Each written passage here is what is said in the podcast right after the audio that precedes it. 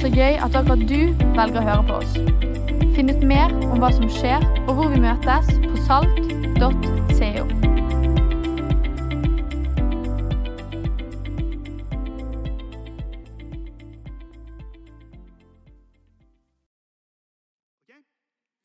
Vi er inne i denne serien som vi har kalt for Framtidstro. og Grunnen til at vi har denne serien, det er det at generasjon Z, de som er født mellom 1995 og 2010, eh, eh, omtales som den første generasjonen etter andre verdenskrig som vokser opp med et negativt fremtidsbilde. Vi som er født på 70-tallet, 60-tallet, 50-tallet og før det igjen, vi kom inn i en, eh, i, en, i en, eh, fredstid, inn i en tid hvor eh, økonomisk framgang, det var fred i verden, det var vitenskapelige framskritt. Alle disse tingene gjorde at selve miljøet som vi har vokst opp i, var liksom Det blir bedre der framme. Men denne generasjonen, generasjon Z, opplever eh, eh, klimatrusselen. Når man snakker om klimatrusselen deres, så er ikke det sinne først og fremst. Det er faktisk en tristhet. Og Tristheten den når eh, psykisk helse også på en helt spesiell måte. og Det er veldig vanskelig for unge. Og Vi som er voksne, vi må virkelig ta inn over oss hvor krevende dette er for barn og unge å håndtere. Så opplever man, Siden 2008, når vi hadde økonomisk finanskrise, så skjedde det noe. Ikke så mye i Norge, for vi er et lite land og vi klarer oss som oftest ganske greit.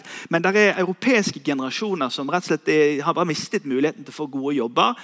Strever enda etter i etterdønningene av en sånn finanskrise. Det kommer en eldrebølge nå, for vi lever lengre. De fleste som har skjønt det, vet at vi skal jobbe, vi som eh, er forholdsvis eh, arbeidsføre nå. Vi skal jobbe mye lenger enn de før oss har jobbet. I tillegg til alt dette så har du konsekvensen av sosiale medier og de direkte resultatene som vi ser på psykisk helse pga. det som skjer i de sosiale mediene. Så dere, Generasjon Z, den kulturen som, eh, som, eh, er i den aldersgruppen, pluss oss andre som er rundt, vi opplever at verden Det er masse skyer på den horisonten som kommer framover. Og skolen de gjør sitt. Eh, helsevesenet gjør sitt. Eh, det skrives om det en i mediene, men vi tror også at vi som kristne kirke trenger å løfte opp det faktum at teologien har noe å melde i forhold til det som ligger foran oss. og Det er forkynnelsen her i dag. Vi tror på en framtidstro. Vi tror at Gud har noe å melde til oss om, om det som kommer. Nå skal jeg passe meg for å holde foredrag her nå, men, men la oss bare ta en kjapp eh, historisk gjennomgang. For eh, å plassere et par par ord fall, som er viktig for meg. i det som jeg skal si her. Moderniteten det er begrepet vi bruker om eh, Europa, eller uh, utviklede land, fra perioden 1650 til 1950. I den perioden der så uh, vokste byene i Europa. Eh, og når byene vokste, så var det fordi at folk flyttet inn dit fordi at de ikke lenger skulle jobbe i landbruket, men heller jobbe i en fabrikk. Dette er en periode som er preget av eh, rasjonalisme og vitenskap. Det sier vi tommel opp til. Man eh, flytter flyttet seg litt sånn vekk fra overtro og religiøse forestillinger. Og så fikk man et mer sånn vitenskapelig og rasjonelt forhold til hva som er rett og galt. Og Man bygde fabrikker, og man bygde stor stat, og det var skolegang til alle. Og det var helsetilbud til mange. Og dette dere, det brakte stabiliteten av det vi kaller for moderniteten til den vestlige verden. Men i 1950 så skjedde det en endring fram til i dag. og det kaller de I Amerika så kaller de det for postmodernismen. Og vi i Europa vi kaller det for senmoderniteten. Og Det betyr rett eh, og slett det at eh, vi utfordres til å tenke annerledes om det å tenke. For I moderniteten så handlet det meste om funksjonalisme. Det handlet om at liksom, ja, du jobber så mange timer på en fabrikk, og så kommer du ut med en lønnspose. og så betaler du det, altså, Det er en veldig årsak- og virkningstenkning. Men i senmoderniteten så har vi en annen måte å tilnærme oss sannhet på. Og Senmoderniteten den har nå eh, en god del konsekvenser som eh, vi fra et humanistisk synspunkt kan eh, anerkjenne og si ja, det er helt riktig. Eh, folk som driver med helse, de sier ja, her, eh, det finnes noen skyggesider her. Filosofer snakker om det, sosiologer snakker om det, og vi snakker om det i kirken også. Fordi Det som skjer med skiftende tider, det er at eh, det får skiftende konsekvenser for oss mennesker. Så globaliseringen nå er den litt i det korte bildet på vei tilbake. Men globaliseringen betyr at verden henger sammen som ett sted. Vi skjønner at eh, miljøet her det eier vi sammen. Og virkelighetsforståelsen den blir stadig mer global. Medias påvirkning som jeg snakket om litt tidligere her i sommer, er helt dramatisk. HUNT-undersøkelsen som ble gjort mellom 1995 og 2019 med 150 000 barn og unge, eh, den viser oss veldig tydelig at de siste ti årene så har eh, utviklingen for psykisk helse gått drastisk nedover i Norge. I stor grad knyttet til smarttelefonene våre og sosiale medier. Den verden vi lever i, en stadig mer fragmentert verden. Vi flytter mer på oss, vi bor på nye steder. Vi jobber med andre ting enn det slekten vår jobbet med, og vi jobber med ulike ting mange ganger gjennom livet. Vi er på mange måter seriemonogame i den forstand at veldig mange har mange ulike partnere gjennom livet. og Det blir større barneflokker og det blir større fordeling. Dette er en trend vi ser i samfunnet. Forbrukssamfunnet er viktig. Forbruk handler om å foredle seg selv. Mens det bærende bildet i moderniteten var fabrikken, så er gjerne det bærende bildet i senmoderniteten kjøpesenteret. Ikke alle får lov til å stemple seg inn på fabrikken, men alle kan få lov til å stemple seg inn på kjøpesenteret. fordi på kjøpesenteret der kan vi se helt like ut i New York som i Kuala Lumpur eller i Peru. Fordi vi lever i en global, sammensveiset verden hvor vi merker at det å konsumere og forbruke det er en viktig del av det å danne sin egen image. Det er kulturmangfold og det er tilgjengelighet av alt dette rundt omkring i hele verden. Jeg sier alt dette dere, fordi at vi lever i skiftende tider. Så Fra 1650 til 1950 så, hadde vi, så vi verden på den måten. Men fra 1950 og fram til nå så ser vi verden på en litt annen måte. Og så er spørsmålet hvor er Guds melding i alt dette? Min påstand er at Gud er verken moderne eller senmoderne. Han er både førmoderne og han er evig. Og Guds ord det er sant til alle tider. Og Derfor så trenger den som er en kristen, å forstå hva er det som gjør at vi kan hevde at vi kan ha fremtidstro. Hva er ankeret vårt i skiftende tider? Hva er overbevisningen vår som gjør at vi har lykt for føttene våre, og vi har klarhet i tankene våre, og vi kjenner Guds vilje? Og I denne kristne tradisjonen her så handler det ikke om å insistere og si ting om igjen høyere, men det handler om å forkynne å forklare i lys av Guds og ord og ved hjelp av Hans ånd. For Vi vet at det nytter ikke i et kunnskapssamfunn å bare insistere. Nei, Vi må forkynne og vi må fortelle og vi må høre på hva er det Gud sier til oss.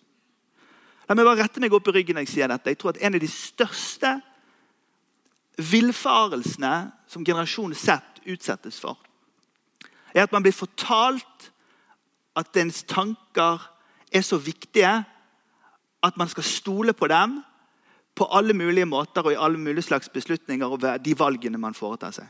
Jeg tror at Den ideologiske forskyvningen fra objektivitet til subjektivitet begynner vi nå å se konturene av. Og Unge mennesker sitter med et ansvar av å inni seg selv finne sannheter som de skal stole på og velge å ha som et anker. Og det ankeret, det løsner og Hele virkelighetsforståelsen slår altså dramatiske sprekker. Og i de, det sprekkdannelsen der, da er spørsmålet hvor henne er det vi skal snu oss. Kjære venn, ikke tro på alt det som du tenker. For alt det som du tenker, er ikke nødvendigvis sant fordi du tenker det. I den kristne livsanskuelsen er det klinkende klart at Guds ord er en åpenbaring av hans tanker.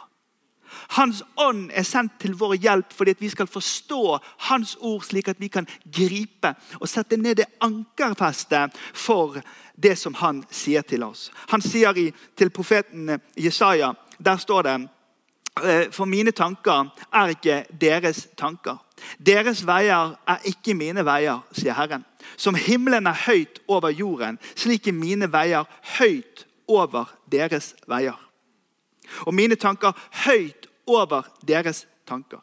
For like regn og snø faller fra himmelen og ikke vender tilbake dit, før de har vannet jorden og gjort det fruktbart og fått det til å spire, gir såkorn til den som skal så, brød til den som skal spire. Slik er mitt ord. Som går ut ifra min munn. Det vender ikke tomt tilbake til meg, men det gjør det jeg vil, og det fullfører det jeg sender det til. Vet du, Gud har skapt vår verden, men Gud er også skaper i vår verden. Gud skaper ved sitt ord i vår verden. Derfor er det slik at du og jeg er nødt til å velge å lytte til hva er det vi skal tro på i møte med vår framtid. Er det det han skaper, eller er det alt dette som vi søker å skape i egen kraft? Kong David sier det i Salme 119.: Jeg viker ikke ifra dine lover, for du veileder meg. Hvor søte dine ord er for ganen, bedre enn honning i munnen. Jeg får innsikt av dine påbud, derfor så hater jeg falske veier. Ditt ord er lykt for min fot. Ditt ord er lys for min sti. Og dere, Dette er ikke bare viktig for meg pga. mitt yrke. Dette er dypt personlig for meg. Det er dypt personlig fordi at jeg opplever at gjennom hele mitt liv så har jeg sittet under eh, talerstoler og hørt på kassetter og MP3-filer og podkaster og CD-er og kjedelige forkynnere og gøye forkynnere og vært på konferanser og blitt glad i Guds ord og Guds veiledning.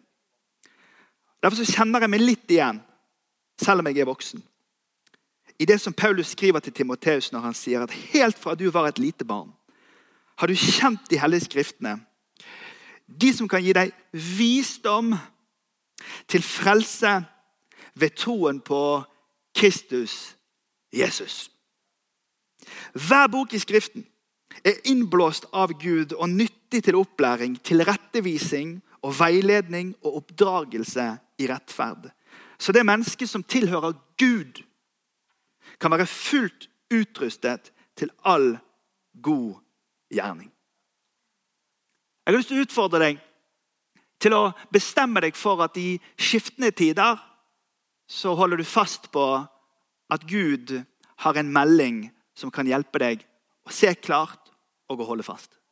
Og Det er knyttet til ikke hva som kommer opp i vår tanke subjektivt, men det er knyttet til hva Hans ord formidles til oss for å gi lykt og veiledning på den stien som vi går gjennom våre liv. Jeg finner god veiledning i Paulus sine ord til Timoteus. Og Jeg er ofte i Timoteus-brevene, kanskje litt fordi jeg har behov for at noen som er voksnere enn meg, snakker litt til meg og forteller om veien videre. Denne uken her så ble jeg innvalgt i, i et sånn presidentskap for Pinseunionen i Europa borte i Stockholm. og Jeg var helt klart yngst.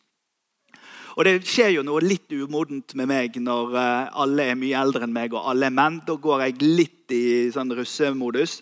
Eh, så, så jeg eh, var litt rampete og stilte meg bak på bildet. og sånn. Jeg fikk ikke det med meg her i dag, men det kom opp i meg igjen denne uken her. La ingen forakte deg fordi du er ung, men vær et forbilde for de troende i ord og i livsførsel, i kjærlighet, tro og renhet. Ta deg særlig av skriftlesningen formaningen og undervisningen helt til jeg kommer.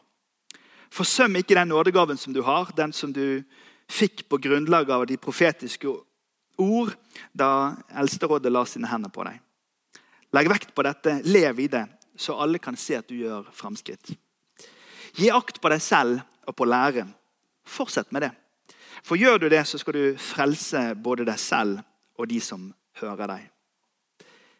Dette er jo en melding til en kristen leder, men det er også en melding til alle dem som er kristen. Du og jeg kan få høre Paulus sin formaning til Timoteus i dag, og jeg ber oss om å gjøre det. Han sier i kapittel 4 i brev nummer 1.: Øv deg i Guds frykt. For kroppslig øving ja, det er nyttig til noe, men Guds frykt det er nyttig til alt. Til den er det knyttet et løfte både for dette livet og for det livet som kommer. Om du skal ha framtidstro i dette livet og for det livet som kommer, ja, så øv deg i Guds frykt. Guds frykt, hva betyr det? Jo, Guds frykt det er å være overgitt. Det er å fornekte seg selv. Det er å fokusere på Gud og hans vilje i verden. Og jeg ber om denne kirkens modning. La det være et tegn på sånne som oss. La oss be sammen. Herre, vi lever i omskiftende tider. Men vi vet, Herre, at ditt ord står fast. At du er i går og i dag og til evig tid den samme. Herre, lær oss ved din Hellige Ånd å forstå ditt ord og gripe hva du sier til oss her og nå. Vi ber i Jesu navn. Trening har jo viss, eh, et visst ubehag ved seg. Eh, og trening det er jo, Nå har jeg akkurat vært med Robert Tisdal i dag morges eh, og pratet litt med han om og Robert Tisdal er jo en elsket eh, medlem eh, av kirken vår her. Og eh, er jo den som representerer oss i ulike Bergen Maraton. Så er jo Salt er jo som oftest representert i Bergen City Maraton. Da er det Robert som løper da, på vegne av menigheten. For han, han, gjør, han har det et sånt idrettslag som han bruker for promotering av ja, gode verdier og gode seder. Han står jo opp midt på natten. Så jeg spurte han hvordan jeg har trent i dag. sa han i går til meg. 'Hvor langt løp du?' da? Løpte bare 1,9. Og da mener ikke han 1,9 meter. Da mener han altså 1900 mil. Altså han, han løper, altså. Men du vet, det som skjer med trening, det er det at du, du må bestemme deg for at du skal gjøre det. Betale avgiften på treningssenteret eller tåle været. Så må du gjennomføre det. Du må drikke vann. Sikkert ta proteinbarer. eller masse, Guttene mine har masse sånne ulike droger som de kjører i seg. Eh, og så, og så etter du har gjort det, så må du dusje. Og etter det så må du tenke at det her skal jeg snart gjøre igjen. altså, Kroppslig øving en veldig viktig indikator faktisk i Norge på at du henger med. Så Min kone hun som jeg er gift med, hun sa til meg hvis du skal være mann, Øystein, da løper du til kontoret med ryggsekk med Mac-en i i november. Det sier hun til meg. Så sier jeg I will do it, baby. Takk, Jesus, at vi har hjemmekontor. Trening er ferskvare.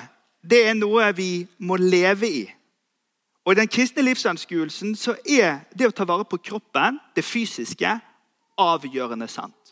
Men det er også slik at vi mennesker er sjel og ånd.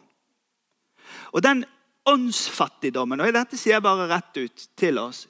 Jeg tror vi lever i en, en desperat åndsfattigdom i den tiden vi lever. Og jeg spør meg sjøl som kristen leder har jeg kraft nok.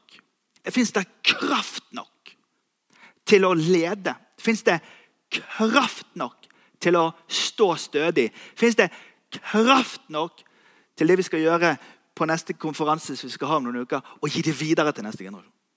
Det må vi alle sammen forholde oss til. Derfor så treffer det meg at Paulus ber Timoteus og han ber meg og deg i dag om å tenke gjennom utfordringen. Øv deg i Guds frykt. For kroppslig øving det er nyttig til noe, men Guds frykt det er nyttig til alt. For eh, der er det knyttet et løfte som gir deg framtidstro. I Paulus sitt verdensbilde, i det nytestamentlige verdensbildet, og dette har vi snakket litt om her tidligere, dette med ulike måter å forstå tid på. Sant? Vi snakker om Kairos og Kronos og også den type ting. Men i det nytestamentlige verdensbildet så er det en linjeforståelse fra at Jesus kom i kjøtt, døde på et kors og sto opp igjen. Og så snakker de om at uh, han skal komme tilbake igjen en dag. Dette sier vi i trosbekjennelsen vår. En dag skal han komme tilbake for å dømme levende og døde. Sant? Så I vårt vestlige tenkning så er det slik at i historien var han her. Og så annonserte de at han kommer snart. og Nå har det drøyd i 2000 år, men vi tror at Jesus skal komme tilbake for å dømme levende og døde. Og så har det drøyet. Men så vet vi det at det er knyttet en del sånne indikatorer til som skal gi oss et hint til når er det Jesus kommer tilbake. igjen. Og En av de tingene som er viktigst, og som jeg har båret med meg i alle år, det er at alle etniske grupper i verden de skal få høre evangeliet om Jesus Kristus på sitt språk. Og Det er i hvert fall et sted mellom 5000 og 7000 etniske grupper som ennå ikke har fått evangeliet forkynt på sitt språk. Det må skje før Jesus kommer tilbake. Så vi har litt tid. Så er det en del løfter knyttet til eh, nasjonen Israel og landløftet der. og Det er viktig. Men det er noe annet som også gir oss et hint om det som skal skje mot det som heter den siste tiden, altså tiden før Jesus skal komme tilbake. Denne uken var jeg altså på et europeisk konferanse i Stockholm. vi gjorde om på programmet en god del der borte, så at han, biskopen for den ukrainske pinsebevegelsen skulle få lov til å komme og snakke om hvordan det står til med dem. Og Da står det en godt voksen mann der og forteller oss om situasjonen. 22 000 boligbygg er til nå bombet sønder sammen. Alle sykehusene er fulle. Og en tanks pekte bare rett på fem unge damer som sto utenfor kirken etter de hadde vært på møte, og bare blåste de fem damene vekk. Og Når du hører om sånn ondskap, så skjønner du at dette er ikke bare noe villfarende småtteri. Dette, dette er en, en metafysisk ondskap i verden. Skjønner dere hva jeg mener med det? Når jeg sier metafysisk, så betyr det at det er en reell, ond kraft som driver dette.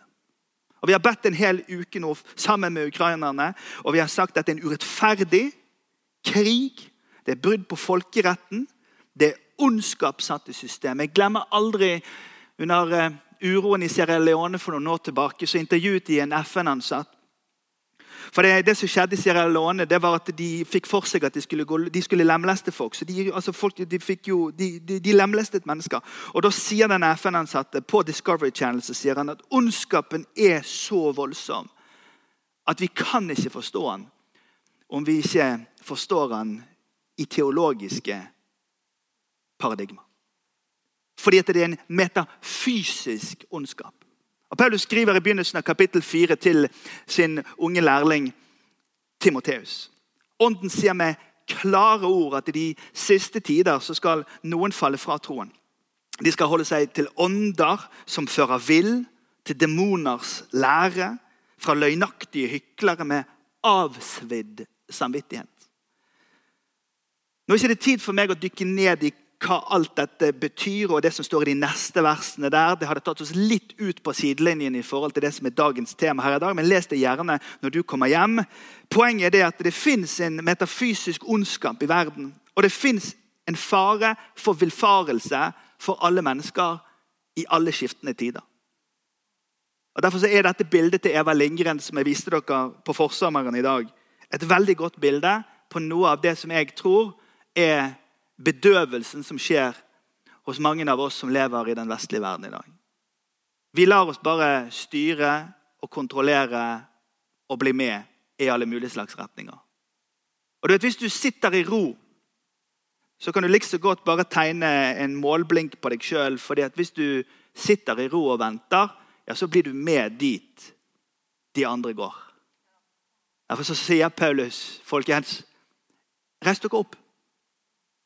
Ta opp denne manualen og begynne å gjøre kroppsøvningen deres. Men også åndsøvelsen deres. Sjelebyggingen deres.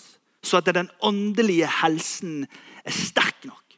Så at når kulene kommer, så kan dere dukke ned eller springe vekk. Fordi at en aktiv person er en mye mer vital og, eh, og sterk person enn den som blir sittende, som de sier i Amerika, en 'sitting duck' for det som måtte hende med en i livet. For ting skifter, men Gud veileder oss til å vite hvilken vei vi skal gå for.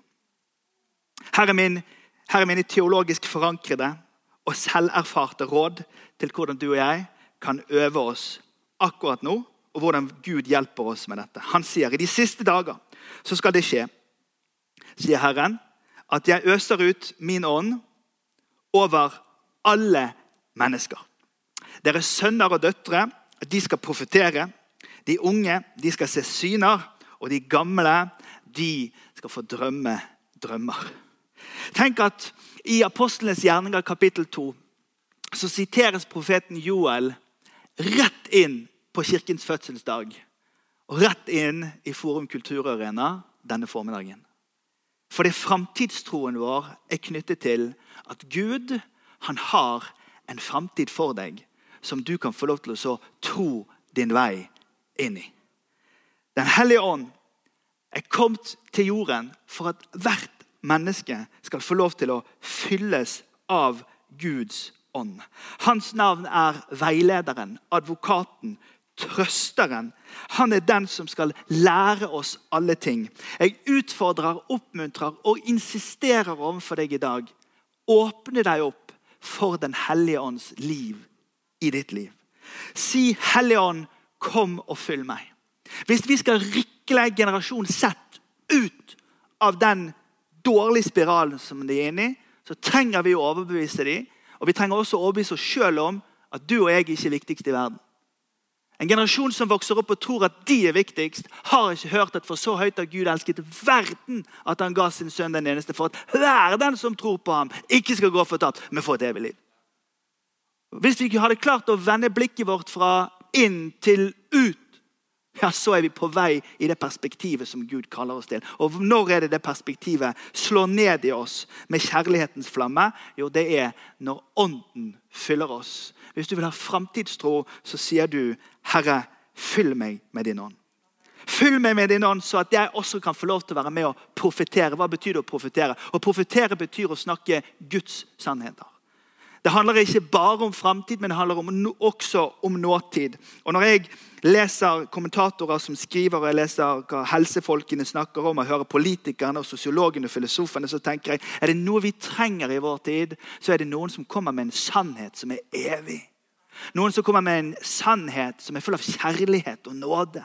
En sannhet som, som transcenderer enhver tid og enhver kultur og forvandler menneskers liv og som reiser opp de som er fanget i avhengighet og i rus og i alt mulig annet som blir viktig. Og tar tak i de som er ensomme og isolerte, og river oss ut av det der inn i det der. Du kan bli fylt av Guds ånd, og du kan profetere. Denne byen trenger noen som snakker Guds sannhet til deres liv. Åpne opp ditt liv og så ta imot Guds ånd, fordi at Guds ånd han sier at vi skal få lov til å se syner. Og Det å se syner det handler om å få et bilde av det som kommer. Og jeg tror at Når vi begynner med lovsangen her om en liten stund, og vi åpner opp for forbund her etterpå, og i fortsettelsen av de neste ukene våre utover denne høsten, ha en forventning til at Gud kan gi deg bilder om det som kommer. Gud kan gi deg glimt av sin foretrukne framtid for ditt liv. For det, her handler ikke bare om poppsykologi eller sånn neurolingvistisk programming i fronten av hodet. Nei, Det handler om en, dyp åpenbaring av at Gud, Gud han gir oss glimt av den framtiden som han ønsker gitt oss. Så når jeg lå på kne i Filadelfia-kirken i Stockholm på torsdags kveld sammen med europeiske ledere for 40 nasjoner, så, så, så, så bare, jeg at Gud, Gud ga meg et bilde så reiser jeg meg opp derifra og så Gud, takk for at du taler til meg. Takk for at jeg får se syner. Og Jeg trenger å få oppkvikket igjen de drømmene og de bildene som jeg hadde når jeg var ung. Lenge før denne kirken var bygd. Lenge før misjonen rundt omkring var, var, på plass. Jeg trenger å få, få tilbake de bildene. For dette framtidstroen i meg er knyttet til de bildene som Gud gir. Og Jeg håndterer helt fint at jeg glissent i salen i dag morges. Fordi at det er fullt på kulturgreiene her. Det Alle skal på konsert og alle skal høre på standup. Men det er bare et profetisk bilde av den tiden vi lever i.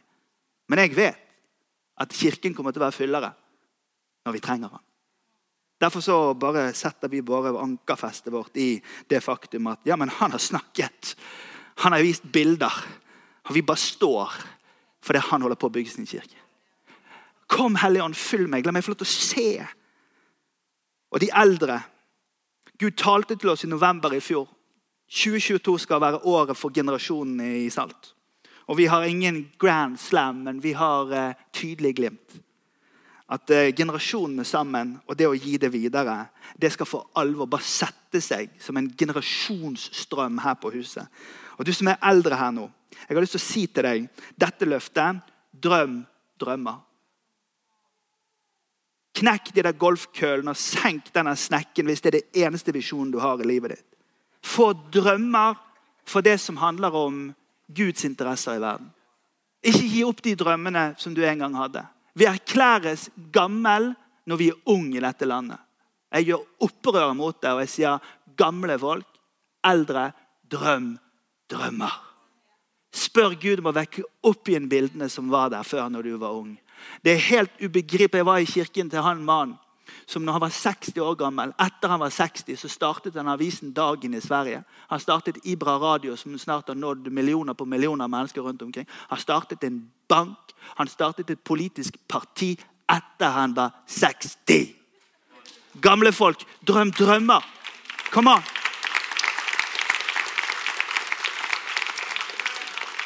Gud, Gud taler i verden. Gud handler i verden. Men han gjør det alltid under autoriteten av hans ord til oss. Kirkens bidrag i skiftende tider er at han er i går og i dag og til evig tid den samme. Og Det som er sant, det er det han sier, ikke det du og jeg tenker. Men når mine og dine tanker kommer på linje med hans tanker, ja, da blir vi sterk. Øv deg i Guds frykt. Kroppslig øving er nyttig til noe, men vet du Gudsfrykten, den øvelsen, den gir deg framtidstro. Her, nå og i evighet. Skal vi reise oss opp sammen? Herre, vi priser deg og takker deg for at vi kan hvile i den visshet om at du er en trofast Gud. Herre, takk at denne forkynnelsen som du først delte med din lærling Paulus, for så å gi den til Timoteus og i dag gir til oss, den handler ikke om vår disiplin eller vårt strev, men den handler om at vi åpner oss opp for å si ja til det du ber oss om. Og Herre, vi åpner oss opp i denne formiddagsstunden her til deg, og så ser vi Kom, Hellige Ånd. Kom du med din ånd, Herre, og blås på disse ordene som vi har forkynt i dag. Og må de bli til liv og framtid for oss alle sammen. Herre, vi overgir oss til din nåde, Herre. Vi tror at du fortsatt vil framtid for ditt folk i verden, for ditt folk i Norge, for ditt folk i Bergen. Herre, vi sier ja til det.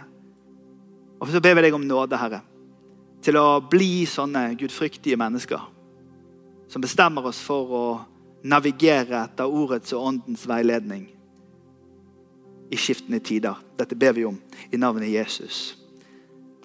Amen. Det er mulig å bli bedt for her borte hvis dere ønsker at noen skal be for dere. Der blir det litt folk, og så synger vi litt sammen.